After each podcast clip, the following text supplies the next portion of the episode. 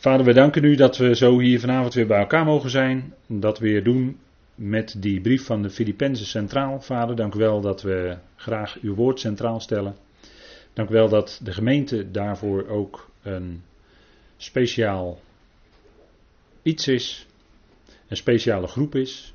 Een huis is eigenlijk waarin dat woord van u bewaard zou worden. Vader, en we leven in de tijd waarin er veel afwijking is van het woord van u. De gemeente zou eigenlijk zijn een pilaar en fundament van de waarheid. Maar vader, we weten uit uw woord dat in de laatste dagen, en daar leven we zeker in op dit moment, dat het een groot huis is geworden met allerlei instrumenten. Vader, en waarin de waarheid ook gezocht moet worden. En dat is altijd in uw woord. Maar dan wel uw woord recht snijden. Dat woord van de waarheid zouden we recht snijden. Vader, dan, dan danken we u dat we ook de plaats weten van deze brief aan de Filippenzen. Die door Paulus werden bezocht en waar de gemeente ontstond. Vader, dat was bijzonder en nu schrijft hij aan hen. Dank u wel voor de dingen die hij heeft mogen opschrijven. En waar we nog steeds vandaag de dag onze winst mee kunnen doen. We danken u dat u ons daardoor voedt en koestert, ook deze avond. Vader wilt daartoe leiden, wijsheid geven. Wilt u in dat spreken geven, dat vermogen om het over te dragen. En geeft u ons ook een luisterend hart voor dat woord van u. En mogen we daardoor opgebouwd worden. Vader, in de diepe besef dat we in alles volkomen van u afhankelijk zijn. Dank u wel dat we uw plan mogen kennen. Dat we uitzicht hebben op een geweldige toekomst. Vader, en we leven in het laatste fase van deze boze eon. Vader, en we leven heel dicht aan tegen het moment dat de bazuin zal klinken. Vader, daar zien we naar uit. En we verlangen ernaar. Vader, dank u wel dat u precies dat op uw tijd zal doen. Vader, zo dank u voor deze momenten die u vanavond wil geven. Vader, in de naam van uw geliefde zoon. Amen. Goed, ik wil graag met u lezen en dat is uit uh, Filippenzen 1. En zoals u gewend bent doen we dat vanuit de concordante vertaling die we hebben in het Nederlands. En ik lees met u dan vanaf vers 9 en dan lezen we even door tot en met vers 14. En daar schrijft de apostel: En dit bid ik, dat jullie liefde nog meer en meer mag overvloeien in erkenning en alle fijngevoeligheid, zodat jullie toetsen wat belangrijk is, opdat jullie oprecht zijn. En niet aanstootgevend tot in de dag van Christus. Vervuld met de vrucht van gerechtigheid, die door Jezus Christus is, tot heerlijkheid en lofprijs van God.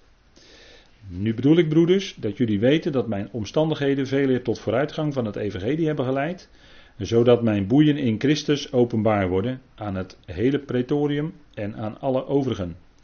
En het merendeel van de broeders, vertrouwen hebbend in de Heer, aangaande mijn boeien, durft des te meer onbevreesd het woord van God te spreken.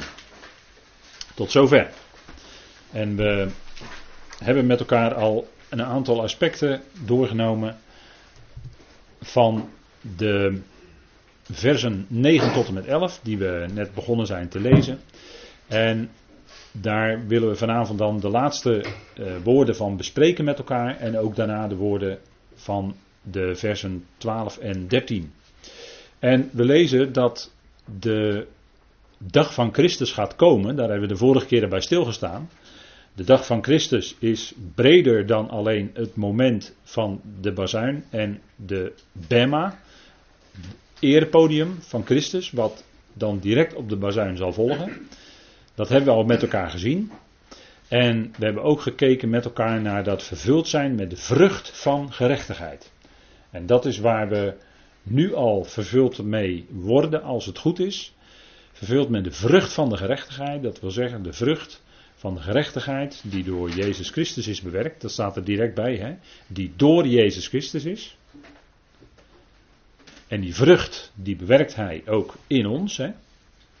Dat is ten diepste God. En God doet alles door zijn zoon. Hij bewerkt alles door zijn zoon. God bewerkt door Jezus Christus in en door ons de vrucht. Dat kunnen we nooit in rekening brengen als ons eigen werk. Maar het is Gods werk in ons als gelovigen. En die vrucht die zal ook zichtbaar worden op het moment dat wij beoordeeld worden bij en op het erepodium, oftewel de Bema van Christus en God, hè, zoals we die kennen. En dat gaat gebeuren in de dag van Christus. En die gerechtigheid, dat is eigenlijk de kern van het evangelie. In het evangelie, Romeinen, wordt de gerechtigheid van God geopenbaard. Daar gaat het om in het evangelie. Hè? Wat wordt er in het evangelie geopenbaard? Hè? Kun je, die, die vraag kun je stellen. En dan is het antwoord daarop de gerechtigheid van God. In het evangelie gaat het niet in de eerste plaats om de mens, maar het gaat in de eerste plaats om God. Het is het evangelie van God, aangaande zijn zoon, Jezus Christus onze Heer. En in dat evangelie wordt zijn gerechtigheid onthuld. Welke gerechtigheid? Gods gerechtigheid. Dat zegt Romeinen 1, vers 16 en 17. En dat is uit geloof tot geloof. Uit het geloof van Jezus Christus tot in ons geloof. En dat is opdat de rechtvaardige door geloof zal leven. Dat was allereerst gold dat, allereerst en in de hoogste plaats gold dat voor Christus zelf, want hij was, hij was en is de rechtvaardige bij uitstek. In de schrift, als we het daarover hebben, dan als het gaat om typen, als het gaat om voorzeggingen, profetieën, over een mens of over een, in dit geval een rechtvaardige, dan gaat het niet om ons, maar dan gaat het om Christus. Dan gaat het niet om een mens, maar dan gaat het altijd eerst om Christus. En vervolgens werkt Jezus Christus in ons die vrucht uit. Welke vrucht? Die vrucht van gerechtigheid. Wij stellen onze leden niet langer ten dienste van de zonde, Romeinen 6, maar we stellen onze leden ten dienste van Gods gerechtigheid. We stellen onze leden ten dienste van God. En wat komt er dan in ons leven? Vrucht. En zolang je de zonde dient, is er geen vrucht. En er zijn natuurlijk gelovigen die de genade, dat hebben we natuurlijk uitgebreid ook besproken met de gelaten brief. Er zijn de gelovigen die de genade als volgt uitleggen. Nou, dan kan ik voor de rest van mijn leven gewoon mijn eigen gang gaan. Maar de genade zou niet een aanleiding zijn voor ons tot het vlees. Laat die genade niet, of die vrijheid niet zijn een aansporing voor het vlees. Nee, dient. Daar heb je het, hè? Dienen elkaar door de liefde. En waarin je elkaar dient, in het lichaam van Christus, dan dien je daarin eigenlijk de Heer, want daar gaat het om. En dan komt daar vrucht in ons leven. Dan gaat God vrucht zetten in ons leven. Dat is niet afhankelijk van wat wij doen, maar dat is afhankelijk van het werk wat Hij in ons doet.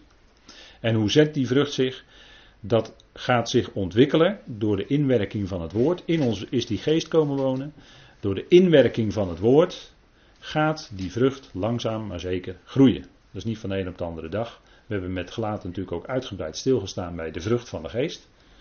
De vrucht van de geest. Hè? Waarvan je ook zou kunnen zeggen dat is de vrucht van het licht.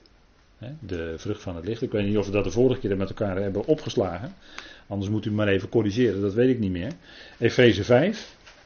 Hebben we toen misschien wel gelezen. Maar laten we dat dan nog maar even met elkaar lezen.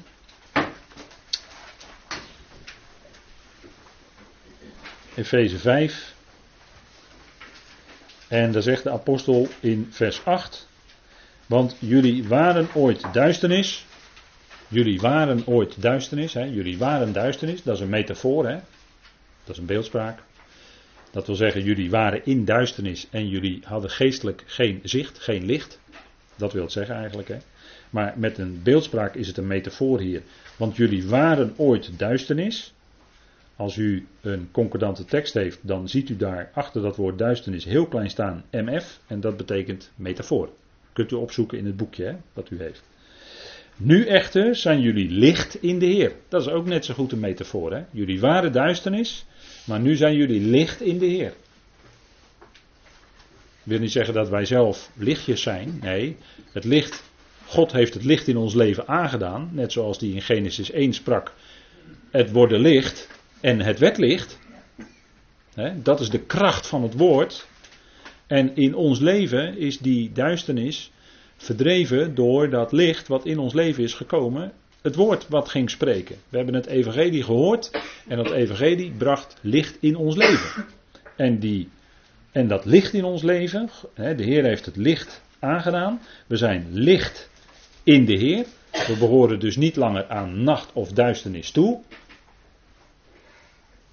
En mensen die zonder God en zonder Christus zijn, die zijn wel geestelijk gezien in de nacht en in de duisternis. Niet om te zeggen dat wij beter zijn, maar het verschil. Er is een verschil. En dat heeft God gewerkt. En dat is Gods zaak. Waarom Hij u, jou en mij uitkiest, dat is zijn zaak. Dat is Gods zaak. Dat is het werk van God. En waarom die ander niet is gekozen in zijn plan, dat is ook Gods zaak. En uiteindelijk zal hij met die ander ook tot zijn doel komen. Hij komt met allen tot zijn doel. dat is Gods plan. En dat, dat, dat gaat niet meer veranderen. Dat kan ook niet veranderd worden, want dat was van meet af aan zijn plan. Dat hij met iedereen tot zijn doel zou komen. Nee, dat is een ding wat zeker is. Alleen God kiest uit. En mensen hebben daar moeilijk mee. Sowieso met het woord uitkiezen hebben ze moeilijk mee. Maar het staat in de schrift. Er staat nou eenmaal in Efeze 4 dat wij zijn uitgekozen voor de nederwerping van de wereld. Ik kan niet heen om dat woord uitkiezen. Dat staat daar gewoon. Dus God kiest uit. Dat, dat kun je het moeilijk mee hebben als gelovige. Dat zal wel. Maar dan zou ik zeggen, ga er dan met God over praten. Vader, ik begrijp dit niet en ik vind het heel moeilijk dat dit in uw woord staat. Wilt u mij dat duidelijk maken? En voor een gelovige is het, je leest het en dan, ja, dan, dan is het zo. Ja, dan, dan ben je als een kind ten opzichte van je vader, met een hoofdletter, vader met een hoofdletter. Ja, vader, u zegt dat, dan is dat zo, ja. Ja, dan, dan kan ik daar niet omheen. Dan, dat is de waarheid dus, zo is dat. En, en of ik daar, daar als mens dan moeilijk mee heb, of ik daar veel emoties bij heb, ja of nee. Oké, dat is ons mens zijn. Maar het staat er en dat valt niet te veranderen. Daar kun je niet mee marchanderen. Paulus zei ook dat hij niet zo was zoals zoveel die het woord van God versjaggeren. die daarmee sjoemelen. Maar je, dat kan niet. Het staat er zo. En dat is dat licht wat God geeft. Hè, een stukje licht is dat hij uitkiest wie zijn volk is. Allereerst de Jezus Christus zelf. Dat is de uitgekozene bij uitstek. Ten tweede, hij kiest Israël. Dat is zijn uitverkoren volk. De naam zegt het al, uitverkoren volk, uitgekozen volk. Uit al die anderen koos hij dat volk niet omdat dat volk zo goed was, maar omdat hij het lief had. Dat is de reden. En daarom kiest hij ons ook uit. Niet omdat wij nou zo goed en geweldig waren. Nee, omdat hij u en mij lief had. En omdat hij ons op het oog had voor de nederwerping van de wereld. Kan er ook niks anders van maken. Dat staat daar gewoon. Dat staat allemaal in Efeze. Dat is onderwijs. En dat is het licht wat we hebben. En dan die vrucht van het licht. Dan zegt Paulus: wandelt als kinderen van het licht. Net alsof licht jouw heerser is en jouw leidsman is. Nou, dat licht is natuurlijk een personificatie en het spreekt eigenlijk van de Heer zelf. Want de Heer zelf is het licht van de wereld. Hij zegt: Ik ben het licht van de wereld. En hij opende bij de blindgeborene de ogen. Ongelooflijk hè? Was blind geboren. Daar kon hij niks aan doen. Hij was blind geboren. En de Heer Jezus geeft een geweldig antwoord in Johannes 9 op de vraag waarom hij dan blind geboren was dat is fantastisch. Maar goed. Het, de vrucht van het licht, wandelt als kinderen van het licht, want de vrucht van het licht, daar gaat het om. De vrucht van het licht. Wat is nu de vrucht van het licht in ons leven? Je kunt ook zeggen, wat is de vrucht van het woord in ons leven? Wat is het vrucht van het werk van God in ons leven? Goedheid, gerechtigheid en waarheid. Dat we wandelen in overeenstemming met dat licht en dat we dus bezig zijn in de dingen die goed zijn, in de dingen die God goed noemt. En we leven natuurlijk in de tijd dat de dingen die God goed noemt, door alles en iedereen kwaad worden genoemd en andersom. Maar we wandelen in overeenstemming met Zijn goedheid, Zijn gerechtigheid en Zijn waarheid. En we doen wat recht is. Gerechtigheid dat heeft te maken met het doen wat recht is. En waarheid. We wandelen in overeenstemming met de waarheid. Dat wil zeggen dus dat je ook waar bent. Dat je je gedragingen zijn in overeenstemming met wat je gelooft, met wat de waarheid is. En dat heeft altijd te maken met dat woord, want toetsend wat de Heer welgevallig is, hè, dat hebben we zondag gehoord. Het gaat om de wil van God. Wat is de wil van God? Dat is een opklimmende reeks. Hè. Eerst het goede, het welgevallige en het volkomene. Waar kun je dat terugvinden? In het woord. En dat staat hier, toetsend wat de Heer welgevallig is. Gaat er niet om wat de mensen welgevallig vinden. Kijk, als u gaat reageren op wat de mensen allemaal welgevallig vinden, dan kunt u niet meer leven. Want dan wilt u het iedereen naar de zin maken en dat gaat hem niet worden. Maar het gaat erom dat, dat we leven naar wat de Heer welgevallig is. En dan houden we rekening natuurlijk met gevoeligheden van andere mensen, natuurlijk. En dan willen we vrede houden met iedereen voor zover het van ons afhangt. Nou, dat, dat kan niet altijd. Maar als we willen wandelen in overeenstemming met de waarheid, dan willen we dus wandelen in overeenstemming met het feit dat God verzoend is met deze wereld, nog steeds. En dat we dus vrede willen bewaren met alle mensen, want dat is toch de uiting van verzoening, vrede. En dat was helemaal de situatie van Paulus. Kijk, en wat is nou tot wat is nou die vrucht van God in ons leven? Dat Hij werkt door zijn geest. Het is niet meer ik, maar Christus leeft in mij. Dus niet meer ik wil zeggen, niet meer dat oude ik. Wat zichzelf centraal wil stellen. Maar Christus. Het gaat erom dat nieuwe ik in ons, die nieuwe identiteit. Dat is Christus in ons. En dan staat er toch leef ik, maar dat is niet meer ik, maar Christus leeft in mij. Kijk, dat is een hele andere situatie. Dat, dat is een wereld van verschil. He, niet meer dat oude ik op de troon, nee, dat oude ik is van de troon gestoten. En daar is Christus voor in de plaats gekomen. Die zit als het goed is op de troon in ons hart. En als het om Hem gaat in ons hart, dan wil je ook naar wat Hij aangeeft in het woord leven. En dan kun je je afvragen, kijk, die vrucht van de gerechtigheid, waar Paulus het over heeft, hè, dat is dan tot heerlijkheid en lofprijs van God. Nou, en dan kun je je afvragen, wat is nu tot heerlijkheid en lofprijs van God? Nou, dat is allereerst zijn schepping. als je die vraag stelt, en je zou hem aan verschillende mensen stellen, dan zou je aan verschillende gelovigen stellen, dan zou je ook verschillende antwoorden krijgen. Maar stel je die vraag aan de schrift, dan krijg je het antwoord, wat is nu tot eer van God? Dat is zijn schepping. En dat is het geweldige wat in Psalm 19 staat dat de hemelen vertellen Gods heerlijkheid. Psalm 19, vers 1. Ik vind het een fantastische uitspraak. En het is ook een fantastische psalm. Psalm 19 spreekt over Gods werk natuurlijk. Hè? En spreekt over Christus in het tweede gedeelte. Maar goed, dat, uh, dat voert nu te ver om daar, uh, om daar diep op in te gaan. Want dan gaan we dieper in op deze psalm. En dan zijn we de rest van de avond nog wel bezig. Alleen het gaat even om wat is nu tot Gods eer? Wat is tot heerlijkheid van God? Hè? Nou, allereerst wat in Psalm 19, vers 1 staat, daar staat. De hemelen, u weet, in het Hebreeuws is het woord hemel altijd meervoud. En misschien staat het in uw vertaling wel in het enkelvoud, maar dat moet u dan even corrigeren. Hè? Dan zet u even en achter, de hemelen. Er staat altijd ha shamayim. En als er staat hemel der hemelen, dan staat er eigenlijk hemelen der hemelen. Dat is een Hebraïsme en dat heeft dan een bepaalde betekenis. Maar het is altijd in het meervoud. Ha, shamayim. En ayim, die uitgang, dat duidt op een dualis, dat wil zeggen een tweevoud. Dus het gaat om twee hemelen die, en dan moet ik nu zeggen, boven de aarde zijn. Boven de aardoppervlakte zijn.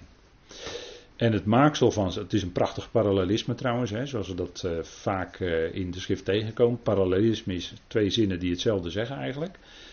Of die elkaar uitleggen, kan ook. De hemelen vertellen Gods heerlijkheid.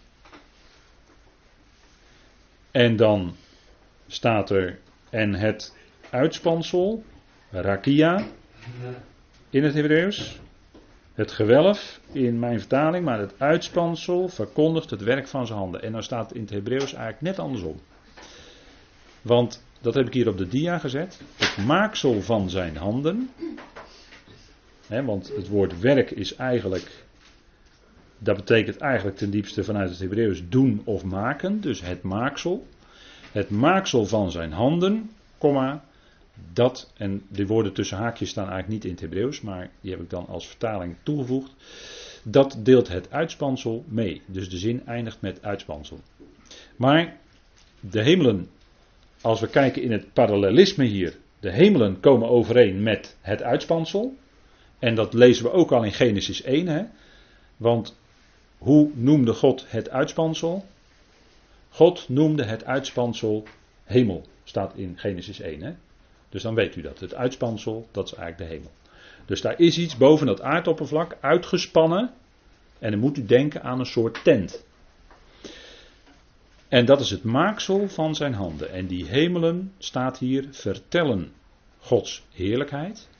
En in dat woord vertellen, daar zit eigenlijk het woord tellen. Dus uh, je zou eigenlijk optellen wat in die hemelen allemaal Gods heerlijkheid bekend maakt. En dan denkt u, ja, dat zijn de sterren. En precies, in de sterren staat het evangelie ook geschreven. En dat weten we. En de zon die doorloopt, hè, daar spreekt deze psalm over. De zon die doorloopt van het ene einde, staat er in vers 7, hè, zijn, is zijn opgang. Van het ene einde van de hemelen is zijn opgang. Zijn omloop is tot het andere. Niet is verborgen voor haar zonnegloed. En daar staat ook van de zon, is een mooie beeldspraak. Hij is als een bruidegom die zijn slaapkamer uitgaat. Hij is vrolijk als een held om het, snel het pad te lopen. Ene einde van de hemel is zijn opgang. Zijn omloop is tot het andere einde. Niets is verborgen voor de zonnegloed. Dus hier zien we eigenlijk wat de schrift zegt. Dat de zon beweegt. En sinds Copernicus wordt er geleerd, maar Copernicus was daar zelf helemaal niet zo van overtuigd, als in de wetenschap misschien wel eens de indruk wordt gewekt. Maar dat was alleen maar een theorie die hij had gebracht, namelijk een heliocentrisch wereldbeeld. Een heliocentrisch wereldbeeld wil zeggen dat de zon centraal staat en dat de aarde daar heel snel omheen draait en dat de aarde zelf ook heel snel om zijn as draait. Hè? Dat is dan de gedachte. Maar Copernicus was daar helemaal niet zo van overtuigd. En Isaac Newton die heeft, daar, hier, die heeft dat verder uitgewerkt, maar dat is helemaal niet zo. Als u de natuurkundige geleerden erop na zou lezen, dan zijn ze daar helemaal niet zo van overtuigd dat het ook zo is. En of de aarde een bol is die heel snel om zijn as draait, ik ben daar niet zo van overtuigd. Als ik de Bijbel lees. Dat zeg ik dan gelijk bij. Hè? Want als ik de Bijbel lees over, over hoe de Heer de aarde gefundeerd heeft, laten we heel even doorbladeren in Psalm 24, naar Psalm 24. en dan zijn dat geen uh, dichterlijke vrijheden of zo hoor. En, en dan moet u ook niet denken van ja, de persoon die het opgeschreven heeft, die staat dan op die aarde en die heeft dan opgeschreven wat hij waarneemt. Ja, dat is tot op zekere hoogte wel waar, maar het is wel door God geïnspireerd. Hè? Dat is wel even een behoorlijke extra notitie die we erbij moeten maken. Het is wel door God geïnspireerd om het zo op te schrijven. En dan zegt de Bijbel toch wel andere dingen dan wij op school hebben geleerd. U heeft dat geleerd op school, ik heb dat ook zo geleerd op school. Hè, wat ik net vertelde, maar de Bijbel spreekt daar toch wel anders over.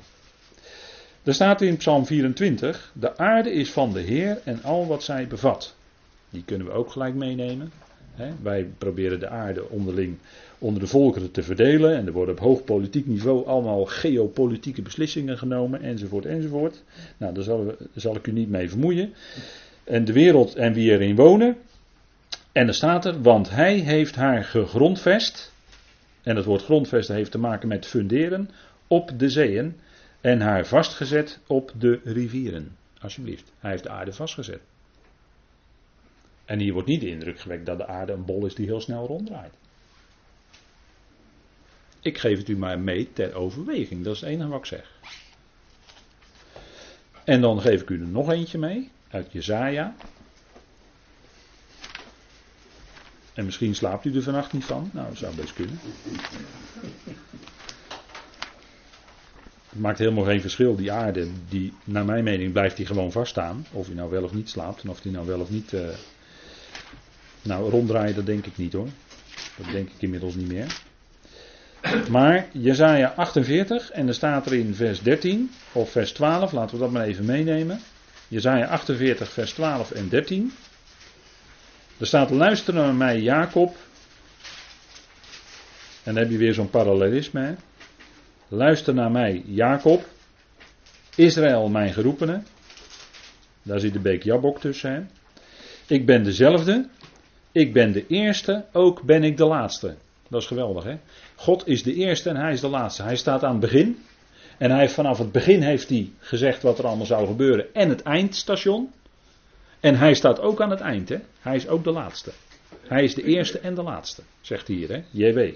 En dat wordt ook van de Heer Jezus gezegd in openbaring. Ja, ik geef, ik geef het maar even mee. Ook heeft mijn hand de aarde gegrondvest. Heb je het weer, hè? Ook heeft mijn hand de aarde gegrondvest, gefundeerd. En mijn rechterhand heeft de hemel uitgespannen. Eigenlijk uitgemeten. Maar je kunt denken, dat woord, het Hebreeuwse woord gaat er naartoe, naar inderdaad een uitspanning alsof het een tent is. En zo wordt er ook wel vaker over de hemelen gesproken, hè? alsof het een tent is. En dat is een ander iets dan een ronddraaiende bol die met zeer grote snelheid draait. En dan staat er nog bij in vers 13: roep ik ze, dus die aarde en die hemelen. Dan staan ze, amat staat hier in het Hebreeuws, hè. Ze staan, amat is staan. Dat is echt, echt rechtop, vast staan. Dat betekent het woord amat in het Hebreeuws. Gaat u maar nakijken aan de hand van een strong nummer, dan kunt u zo de hele concordantie raadplegen. Dan zult u zien dat het woord staan echt dat woord amat is. En ze staan er tezamen. En dat woord tezamen is jagat. En daar hoort u bijna echat. En dat is ook zo, dat, dat lijkt heel veel op elkaar en dat heeft ook alles met elkaar te maken. Dat woord jagat heeft te maken met eenheid. Dus die hemelen en die aarde die vormen een eenheid en zij staan. Dat is wat Jezaja hier zegt. Ja? Dus dat is even wat Gods heerlijkheid verkondigt. Hè? De hemelen vertellen Gods heerlijkheid. Dus die hemelen en die aarde, die zijn nu al tot lofprijs van God, hoewel het de oude schepping is. En straks als die nieuwe schepping komt, ja, dat zal natuurlijk helemaal geweldig zijn. Hè? Dat, dat is natuurlijk, ja, die, die oude moet toch een nieuwe voortbrengen, moet toch vervangen worden voor een nieuwe. En die nieuwe zal nog veel geweldiger zijn, hè? want dan hebben we het nieuwe Jeruzalem, wat uit de hemel neerdaalt, als een fantastisch bouwwerk van God. Hè? Waar het licht aan alle kanten eh, doorheen straalt en uitstraalt. Wat denkt u door, door, doorzichtig goud? Wat denkt u ervan? Ik neem dat letterlijk. Hè? Anderen zeggen, ja nee, symbolisch over het koninkrijk. Ik neem het letterlijk. Er staat gewoon dat het goud, pleinen van goud zijn. Er staat straten, maar eigenlijk is dat woord pleinen pleinen van goud. En dat heeft dan zo'n enorme uitstraling. En het komt van de hemel op de aarde. En wij dan als allemaal mensen van het lichaam van Christus die een enorm licht uitstralen daarboven.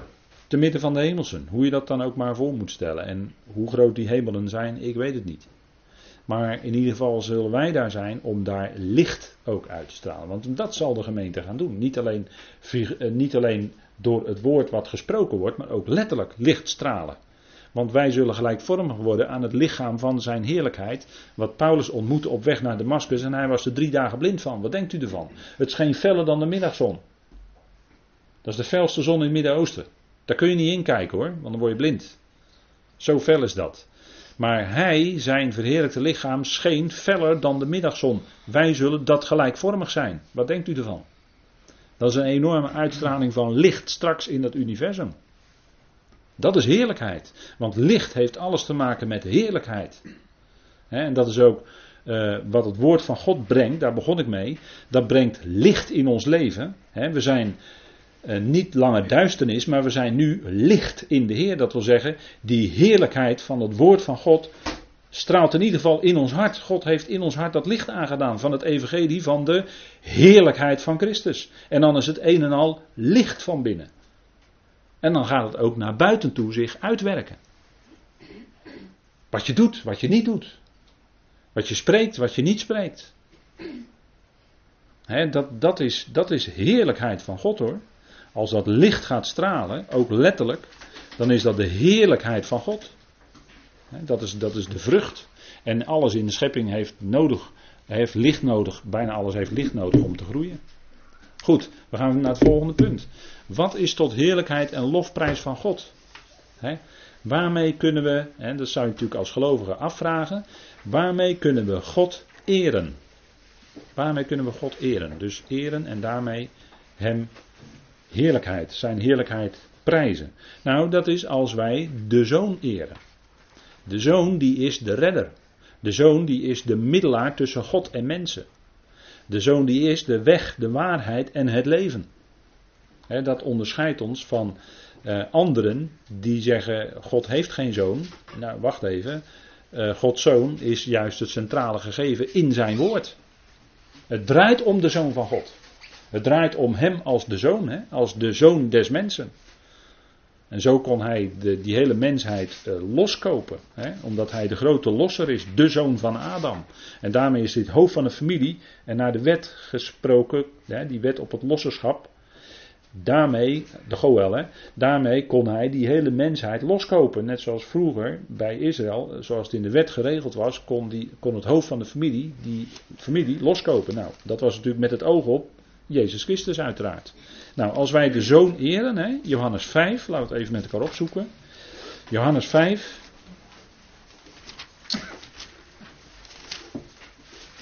Dan staat daar in vers 22. En dat is als, we, als u, eh, ik weet niet of u de studies openbaring volgt, maar als u dat doet, dan zien we daar steeds de Heer Jezus Christus als de grote richter. Anderen spreken dan van rechter, maar wij spreken liever van als de grote richter. Die komt, hij die was, die is en die komt. Hij komt zeker, jawel. Maar hij komt dan als richter voor deze aarde, voor de schepping. En dat is enige tijd nadat hij ons eerst heeft weggenomen. Hij neemt ons eerst weg in grote snelheid bij de bazuin. En daarna gaat hij optreden als richter. Dat is allemaal zijn werk, want dat staat hier in vers 22, Johannes 5, vers 22. Want ook de Vader oordeelt of richt niemand, maar heeft heel het gericht aan de zoon gegeven. Dus als er gericht wordt, dan is het altijd de zoon die dat doet. Grote witte troon, dat is een zaak voor de zoon.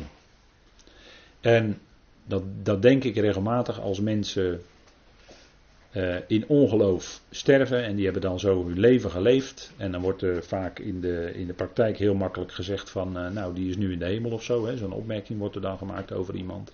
Maar als we het niet weten, of als we misschien wel kunnen vaststellen dat zo iemand geen gelovige was, dan denk ik altijd, ja, dat volgende moment is dan voor de grote witte troon, ja. Dat is voor diegene de grote witte troon. En dat is niet nu in de hemel een soort engeltje worden, maar dat is de grote witte troon. Dat, dat is wat God zegt natuurlijk. Hè? Uh, en dat is anders dan wat men uh, gemakkelijk denkt. En dat is natuurlijk ook als iemand gestorven is. Dan wordt er uh, vaak uh, opmerking gemaakt alsof die persoon nog verder leeft. Ook binnen de christenheid is dat een populaire gedachte. Hè, dat je door sterven direct naar de hemel gaat. Of dat je door sterven direct bij de Heer bent. Maar zo is het natuurlijk niet. Als je gestorven bent, dan is het pas na het moment van de opstanding. En dat geldt voor iedereen. Pas na het moment van de opstanding is er weer bewustzijn. Voor ons bij de Bema voor de ongelovigen bij de grote witte troon. En voor de gelovigen uit Israël bij de opstanding van de rechtvaardigen. Aan het begin van de duizend jaar. En dat is dus niet, hè, want de, de dood is niet een bewust voortbestaan. Dat, is een, dat heeft de grote jokkenbrok in de wereld gebracht. Maar zo is het natuurlijk naar het woord niet. In de dood is geen enkele overleg, is geen kennis, is niets. De doden weten helemaal van niets. Tot het moment van de opstanding. En dan is er pas weer bewust zijn. En dat is het uh, geweldige. Hè? Dat geldt dus voor iedereen. Maar God heeft heel het gericht aan de zoon gegeven. Opdat allen de zoon eren. En er staat hier het woord Timao, waar het woord Timotheus van afgeleid is. Zoals zij de vader eren. Wie de zoon niet eert, let op hè, wie de zoon niet eert, eert de vader niet. Dus dat, is, dat, dat, dat luistert nou, hè? dat hoort bij elkaar. Als je de zoon eert, dan eer je de vader. En de zoon is eh, natuurlijk altijd onderschikkend aan de vader, altijd. Maar als je de zoon niet eert, dan eer je ook de vader niet. Zo, nou luister dat. Hè? En kijk, degene die dat ontkent, hè, die ontkent de zoon en dus ook de vader, dat is de geest van de antichrist. Dat zegt Johannes hè, in 1 Johannes 2 en 1 Johannes 4. Daaraan kun je de geest van de antichrist herkennen. herkennen. Uh, namelijk dat die, die doet moeilijk over de zoon. En zodra men daarna gaat morrelen, of misschien zelfs wel flagrant ontkennen dat God een zoon heeft, dan is dat de geest van de antichrist. Dat zegt Johannes. Ik kan het niet anders maken dan dat het zo is. Dat is de geest van de antichrist. En dat is dus degene die zich zal stellen in de plaats van Christus, want dat is het woord antichrist. Hè? Dat zal die ook gaan doen. En daar zitten we gewoon heel dichtbij. Hè? Daar gaat het heel hard naartoe. En dat uh, al die beloften van een new age en een nieuwe tijd. Ja, dat komt allemaal uit die koker van, hè? die bekende koker, dat weet u wel. Hè, er komt een new age en dan is er, uh, al, worden alle religies worden samengesmolten hè, onder leiding van. En dan gaat er een nieuwe age komen. En, en, hè, iemand zei dat laatst nog op de radio, daar schrok ik een beetje van. Ze waren in een discussieprogramma bezig. Toen zei er ineens een mevrouw tussendoor. Ja, we zitten nu in een transitie, let op het woord transitie, naar een nieuwe tijd. En toen zei ze, ja, ik weet niet wat die nieuwe tijd gaat inhouden. Ik denk, mevrouw, volgens mij weet jij het wel.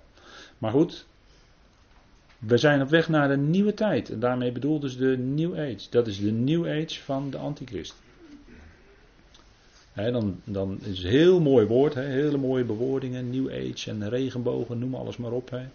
Alles voor, uh, nou ja, laat me, uh, ik, ik, ga nu gauw weer stoppen. Maar uh, allemaal hele mooie woorden, allemaal heel zoet gevoist enzovoort. En er komt een prachtige nieuwe tijd. En het is de tijd van de Antichrist. En dan trek ik even de bedekking eraf, hè, want ze willen dat bedekken met hele mooie woorden. Hè, maar Gods woord wijst dat aan.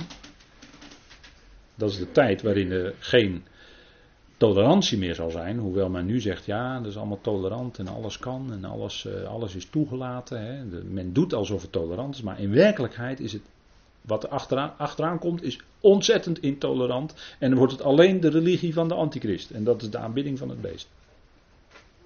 Wordt verplicht dan opgelegd. Hè? Verplicht, daar gaan we naartoe. En dat is de ontkenning van de zoon. Want dat is de Christus. De, de antichrist is de ontkenning van de zoon. En daar zit dus totaal geen eren van de zoon in. En dus ook niet van de vader.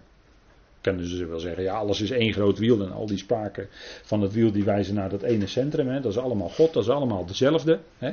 Of het nu, uh, welke godsdienst dan ook. Nee, dat is, dat is, dat is, nou, dat is nou jokken, wat je dan doet. Hè? Dat is jokken. Maar wie de zoon eert, hè? dat is de enige weg tot God. De waarheid, hij is de waarheid, hij is het leven. Nou, dat, als je die zoon eert, dan eer je ook de vader. En dat zegt de Heer dan ook in vers uh, 39 van ditzelfde hoofdstuk tegen zijn luisteraars. En het was een uh, behoorlijke behoorlijke uitspraken deed de Heer, maar de Heer ging altijd fel in tegen degene die het woord van God zelf aantasten. Daar was de Heer heel fel op. En dat is dan tegen de schriftgeleerden en de fariseeën, dat weet u wel. En er staat er, en de Vader die mij gezonden heeft, die heeft zelf van mij getuigd. Kijk, de Vader getuigt zelf van die zoon. Hè? U hebt zijn stem nooit gehoord en ook zijn gedaante niet gezien. En zijn woord hebt u niet blijvend in u, omdat u hem niet gelooft die hij gezonden heeft. dus men zei wel dat men het hield bij de Torah en de profeten. Dat zei men wel met de mond. Maar hier zegt de Heer Jezus wat het in werkelijkheid is. En zijn woord hebben jullie niet blijvend in jullie, omdat jullie hem niet geloven die hij gezonden heeft. Ze werden geconfronteerd met het woord van de Heer Jezus Christus. En dat woord accepteerden zij niet. En, en dat is ook uh, de reden waarom uh, veel mensen het ook moeilijk hebben met, met deze gedeeltes. Hè. Jullie onderzoeken de schriften, staat, zegt de Heer, hè, of onderzoek de schriften. Want jullie menen daarin Ionisch leven te hebben en die zijn het die van mij getuigen. Waar getuigen de schriften van? Van Christus. En als ik hoor dat er in uitleg of in prediking Christus Jezus, onze Heer, niet centraal staat, dan heb ik argwaan. Dan heb ik argwaan. En dat heeft hiermee te maken met deze dingen waar we het nu over hebben. Wie de zoon eert, eer de vader. Hij zet zijn zoon centraal. Hij zegt: Kijk, dit is mijn geliefde, mijn zoon. Hierin heb ik mijn welbagen, in hem. Dat zei hij bij de doop. En toen ging hij spreken. En dat is het punt, hè? En dat is het punt waarom binnen het christendom, laat ik maar het grote geheel zeggen, waarom christenen liever kerstfeest vieren dan, dan later, hè? latere dingen. Want met, wat heb je met kerstfeest? Dan heb je een kindje wat in een kribbe ligt. En dat spreekt nog niet. Even, even erover nadenken. Dat kindje spreekt nog niet. Maar later is hij opgegroeid en dan gaat hij zijn bediening beginnen. Dan gaat hij spreken. Ja, ja, dan wordt het een ander verhaal. Dan gaat hij spreken, dan gaat hij de waarheid spreken. Ja, en daar, dat, dat, daar zitten de mensen niet altijd op te wachten. Op die waarheid. Dat is het punt, hè. En dat is de reden waarom kerstfeest het meest geliefde feest is bij veel christenen. Hè? Ja, kun je kindje wiegen? Ja, mooi, onschuldig, in de kribbe. Hè? Maar hij spreekt nog niet. Nee. Maar later is hij wel gaan spreken. En hoe? Hè? Geweldig. En daar houden we het maar bij. Het volgende. Wat is tot heerlijkheid en lofprijs van God? Nou kijk, dan ben je tot eer van de Vader. Johannes 12. We bladeren nog even verder. En dan gaat het om dienen. Want kijk, veel mensen, ook gelovigen, die, eh, ja. Kijk, het punt is dat eh, gelovigen die willen wel horen over wie Jezus is, eh, maar dan vaak toch een beetje theoretisch.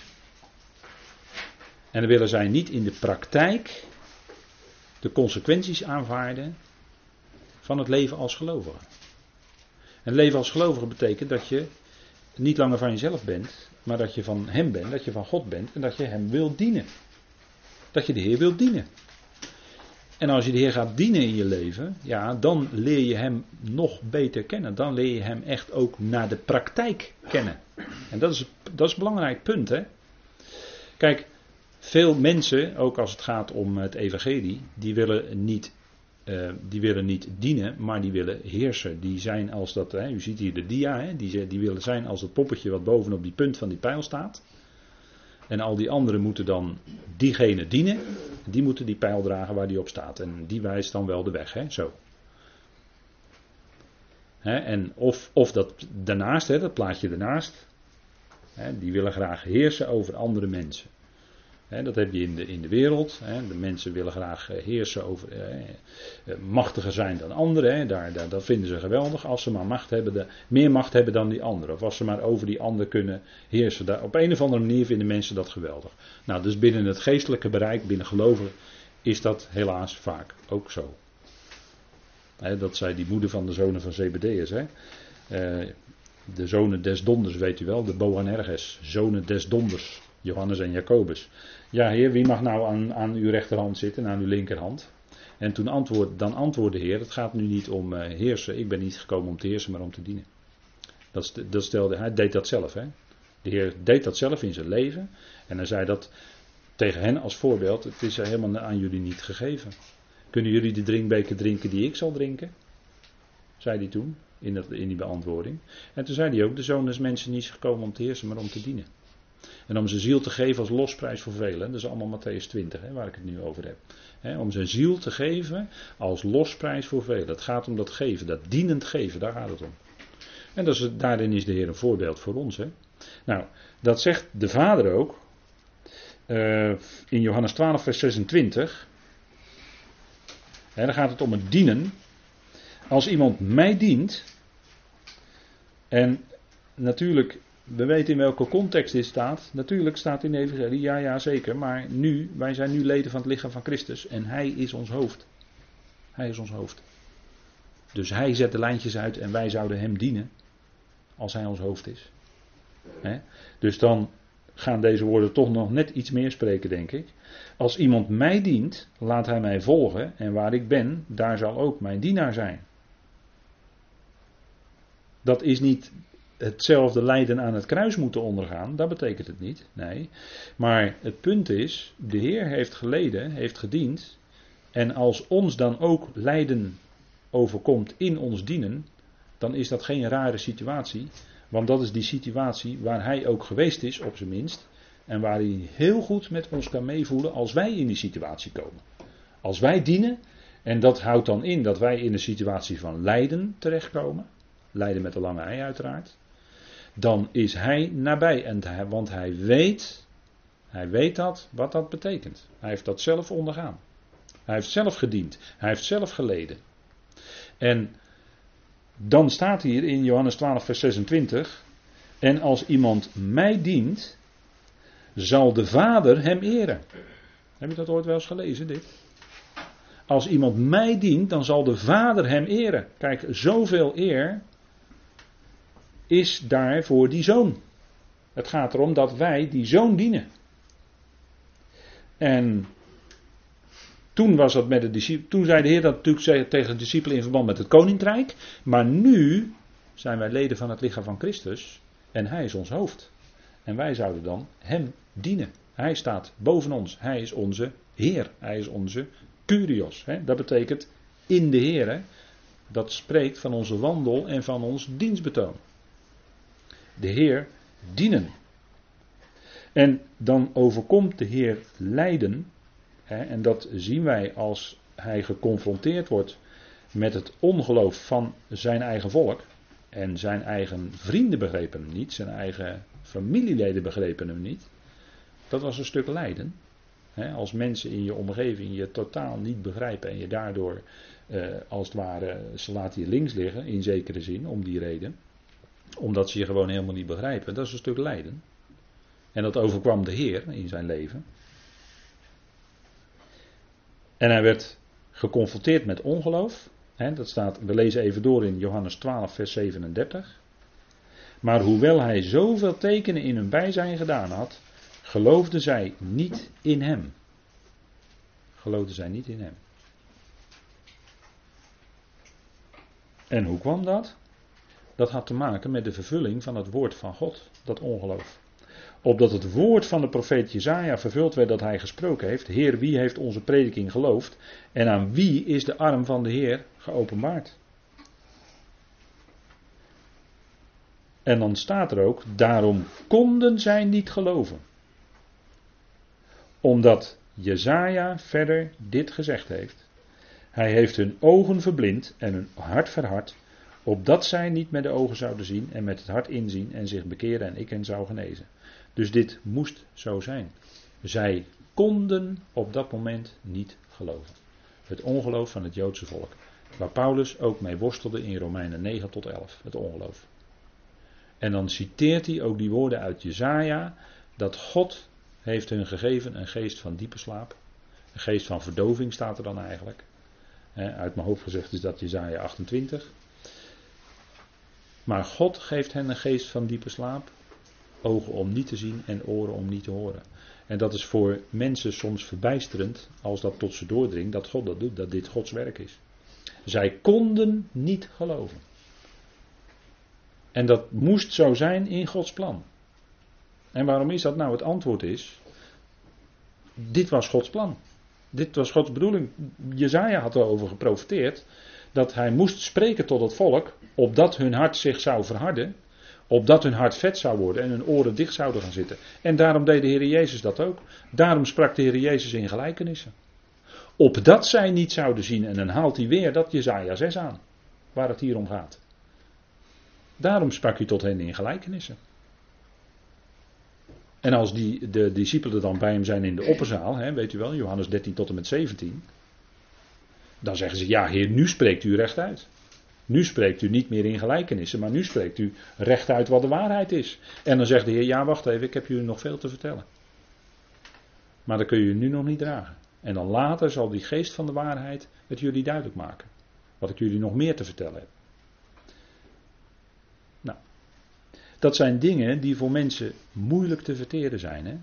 Dat, God, dat dit Gods werk is. Dat zij op dat moment niet konden geloven. Ondanks dat de Heer zoveel tekenen voor hun ogen deed. En zij hadden moeten erkennen dat Hij de Messias is. De beloofde. Maar daarom konden zij niet geloven. En dat had te maken met de vervulling van dat woord van Jezaja. Dat was Gods plan, dat was Gods bedoeling. En het is niet zo dat God uh, ooit zijn plan heeft moeten switchen of zo. Dat het uit de hand liep of niet goed ging. Wel nee. God had een plan, dat heeft hij van meet af aan opgezet en dat volvoert hij ook. Klaar. Dat werkt hij ook zo uit. Nou, de zoon eert de vader, dat is dan de laatste, 8 vers 49. Johannes 8 vers 49, bladeren we even terug.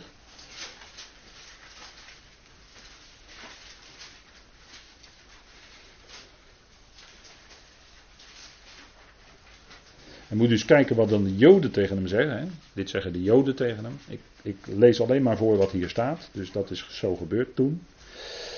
Vers 48. De Joden dan antwoordden en zeiden tegen hem: Zeggen wij niet terecht dat u een Samaritaan bent? Zo. En dat u door een demon bezeten bent.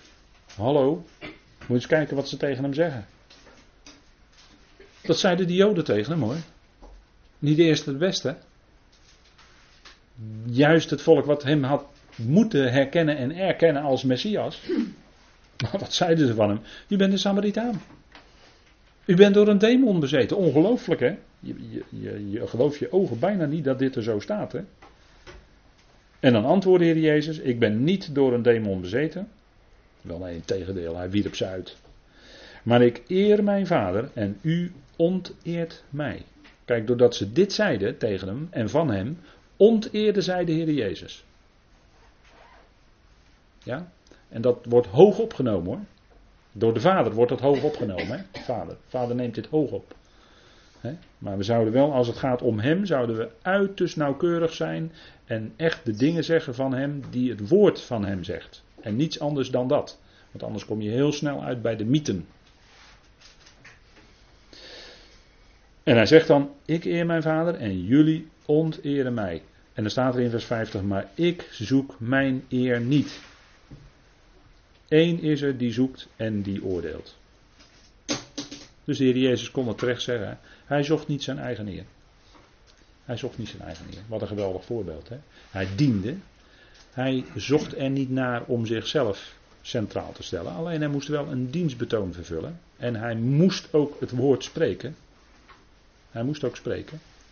En dat werd hem niet in dank afgenomen, want door de dingen die hij sprak, daarop werd hij volkomen onterecht, naar recht en gerechtigheid volkomen onterecht, maar daardoor werd hij wel later veroordeeld. Dat had te maken met de dingen die hij sprak. Daar ging het, daar ging het om. Hè. Daarop werd hij gepakt. Daarop werd hij veroordeeld. Daarom moest hij door een diep lijden heen gaan. En hij sprak natuurlijk de dingen die hij van vader te spreken kreeg. Hij sprak de dingen die hij hoorde. Hij deed de werken die hij de Vader zag doen. Niks anders dan dat. Dus hij zocht niet zijn eigen eer. Hij zocht alleen de eer van zijn vader daarin. En dat, dat is wat hij gedaan heeft. En daar gaat het om. Hè? Nou, wat is nog meer tot eer van God? Hè? En wanneer we kijken in de brieven van Paulus. Wat is nou tot heerlijkheid en lofprijs van God? Nou, dat hebben we al uitgebreid nu gezien. Dat is het volgen van de Heer. Het volgen van zijn woord dus. En zo handelen zoals hij deed. Hij zocht namelijk alleen de eer van zijn vader. Hij zocht de eer van dat woord te vervullen. De wil van God erkennen. Dat is tot de heerlijkheid en lofprijs van God. Want als je iemands woord gelooft en erkent, en in dat woord geloven hoor je dat eigenlijk. Hè? Want het gaat om wat is tot heerlijkheid en lofprijs van God. Wat is God lofprijzen? Dat is God loven. En in dat woord geloven hoort u dat ook al terugkomen. Heerlijkheid tot heerlijkheid en lofprijs van God is als je zijn woord gelooft. Als je dat woord vertrouwt voor je leven. En dat is wat de Heer Jezus ook heeft gedaan. Hè? Vader, niet mijn wil, maar uw wil geschieden. Dat is ten diepste de wil van God erkennen. En naar de mens en in de ziel zou je kunnen zeggen, hij zag er vreselijk tegenop, tegen dat lijden. En hij was degene die waakte, want hij wist wat over hem komen zou. Dat, eh, die, die beker, hè, die drinkbeker die hij leeg moest drinken van vader. En hij worstelde daarmee in Gethsemane. En de discipelen sliepen. En veel gelovigen slapen vandaag aan de dag. daarom zouden we nuchter en waakzaam zijn, zegt Paulus in 1 Thessalonicense 5. we zouden wakker en nuchter zijn. Maar veel gelovigen slapen. veel gelovigen in veel gemeentes gaat het om uh, uh, gezelligheid met elkaar hebben. En daar is niks mis mee. Dat is juist leuk als je het gezellig met elkaar hebt. Maar ik, ik hou wel van gezelligheid rondom het woord ook. Hè? Gezelligheid en dan, ja zeker, het woord centraal. En dan de gezelligheid heb je er wel omheen hoor. Ja, en als, als vele, misschien zijn er mensen die dat niet zo gezellig vinden, misschien. Ja, ik, ik weet het niet maar je merkt wel eens in gemeentes, dan, zijn er, dan, dan, kijk je zo om je heen wel eens en dan ga je zo wel eens hier en daar wat, wat kijken, wat zoeken. En dan is men heel gezellig allemaal met elkaar bezig. en, dan, dan denk ik wel eens, als ik dan kijk wat, eh, wat er zo al gezegd wordt en gesproken wordt, dan denk ik wel eens van ja, maar waar, waar blijft dat woord van God nou in deze situatie? Eh, gezelligheid kent geen tijd en is hartstikke leuk, maar het kan natuurlijk voor gelovigen geen doel op zichzelf worden en voor Paulus was het ook allemaal niet zo gezellig hoor. Als je alleen uh, s'nachts in een blok uh, met je voet in het blok zit. Dat is ook niet zo gezellig allemaal, wat hem overkwam. Hij ging die weg ook, maar dat was niet om. Uh, hè? En die gemeentes, ja, daar werd ook geleden. Waarom? Om het woord wat ze geloofden. Daar, daarom word je vervolgd. Dat overkwam Paulus ook. Nou, kijk, die wil van God erkennen, hè, daar gaat het om. De wil van God erkennen. En de gemeente, dat is iets heel kostbaars in Gods ogen, dat vergeten we misschien wel eens. maar de gemeente is niet, uh, niet alleen een sociale club. Maar de gemeente is iets kostbaars, dat is datgene, dat is dat huis waarin dat woord van God bewaard zou worden. En wat is bewaren? Bewaren wil zeggen spreken, ervan spreken, eruit spreken dat is niet het woord van God ergens in de boekenkast en ja, bij het woord van God centraal staat. Kijk maar, staat daar in de boekenkast. Nee, dat is het woord van God niet bewaren hoor. Dat deed Israël ook niet. Israël bewaarde het woord van God niet. En toen bij, bij wie was het ook weer? Koning Josia. Hè? Toen vonden ze ineens ergens in de tempel vonden ze een, een Torahrol. Hè? En toen gingen ze daarin lezen. En ze wisten niet wat ze overkwam. Dat hadden ze al een tijd niet meer gehoord. En het woord van God, die Torah die centraal zou staan in het volk, die was dus zoek. Die vonden ze in de tempel. en toen kwam die hervorming, 2 Koningen 23 geloof ik, als ik het eh, uit mijn hoofd zeg. Dat schiet me ineens te binnen. De hervormingen onder koning Josia. Hoe kwamen die hervormingen? Omdat ze het woord vonden. En ze gingen het nog lezen ook. En ze gingen er ook nog naar handelen. Toen werd er geloof ik ook weer eindelijk weer een Pesach gevierd. Hè? Toen werd het lammetje weer geslacht. En er werd het zuurdesem weggedaan uit de huizen. Ik weet niet of ze altijd dan beseften waar het een beeld van is. Maar dat lammetje wat geslacht werd, dat, dat gebeurde weer. En daarmee, daarmee was er weer dat geweldige type wat verwees naar de Heer Jezus Christus. Daarom moesten zij dat doen. Niet alleen als een terugkijk op die geweldige overwinning die de Heer had behaald op de Egyptenaren bij de uittocht. Maar ook als een vooruitkijken naar het lam, het ware lam van God wat zou komen. Waarvan Johannes zei, zie het lam van God dat de zonde van de wereld wegneemt. De zonde van de wereld. En toen hij stierf, werd die, die hele zonde werd volkomen op hem gelegd. Hij heeft alles gedragen. Want al die ongerechtigheid, hè, dat, godsgerechtigheid, daar gaat het om, daar begonnen we vanavond mee. Godsgerechtigheid.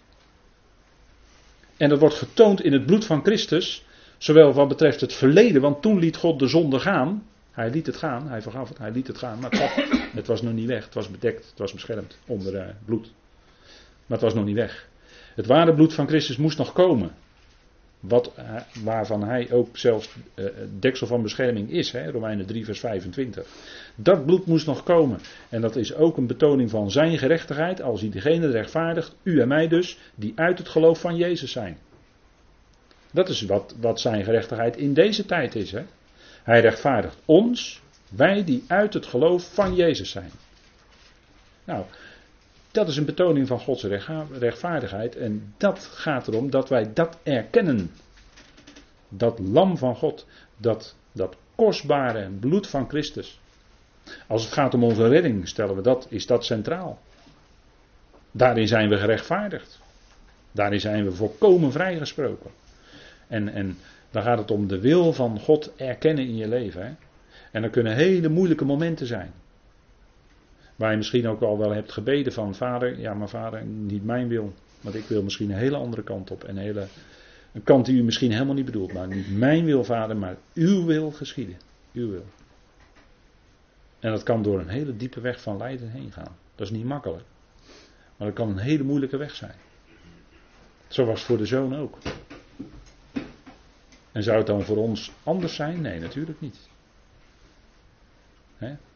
Als het de zoon overkomt, dan komt het, overkomt het ons ook als zonen een of andere vorm van lijden. Hebreeën 12. We kijken naar de leidsman en de voleinder van het geloof. Maar het vervolg is wel dat ook zonen getuchtigd worden, wordt het woord tuchtiger gebruikt. Hè? En dat houdt in lijden. Daar wordt over gesproken in Hebreeën 12. Hè? Over het lijden wordt gesproken. En dat, kan ons, dat overkomt ons als zonen. We zijn geen bastaards, nee, we zijn zonen. Nou, die wil van God erkennen, daar bidden we om. En dat we daardoor alles heen, dat we ook iets van vrucht in ons leven mogen zien. En dat we door alles heen groeien in de erkenning van God.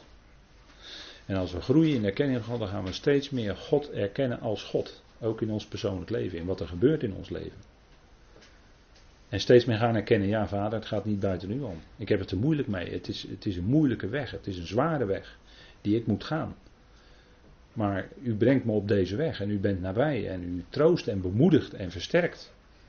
Maar daarom zijn er hele moeilijke dagen bij, die heel lang kunnen duren, waarin het lijden is. Dat is geen makkelijke weg die God met ons gaat. Maar als je dat toch leert erkennen als de weg van God in je leven, dat is tot eer van God. Dat is tot heerlijkheid en lofprijs van God. Kijk maar naar Job. Hè? Nou, Job had het niet zo makkelijk in zijn leven hoor. Had het niet zo makkelijk. Er was nogal wat wat hem overkwam. Hè? En als je kijkt naar het einde van Job, dan zie je dat de geweldige heerlijkheid van God in zijn leven kwam. En dat hij ook ervan getuigde dat hij door die weg had hij God beter leren kennen. U weet wel dat verschil tussen alleen maar van horen zeggen van hem vernomen hebben. Maar nu heeft mijn oog u gezien. Maar nu heeft mijn oog u gezien. Heb ik u aanschouwd. Ik weet dat mijn verlosser leeft. Dat is geloof, dat is het geloof van Job. jullie hebben gehoord van de volharding van Job. Dat in het einde gebleken is dat de Heer barmhartig is en ontfermend, zegt Jacobus dan. Het einde van Job was na een heel diep lijden. En zo is de weg voor ons ook. Door lijden heen. Maar wacht even, er komt heerlijkheid. En het zal blijken te zijn. Alles overstijgende heerlijkheid van God. Daar gaat het naartoe. Daar gaat het naartoe. Daar gaat hij geven. Goed, we gaan even pauzeren.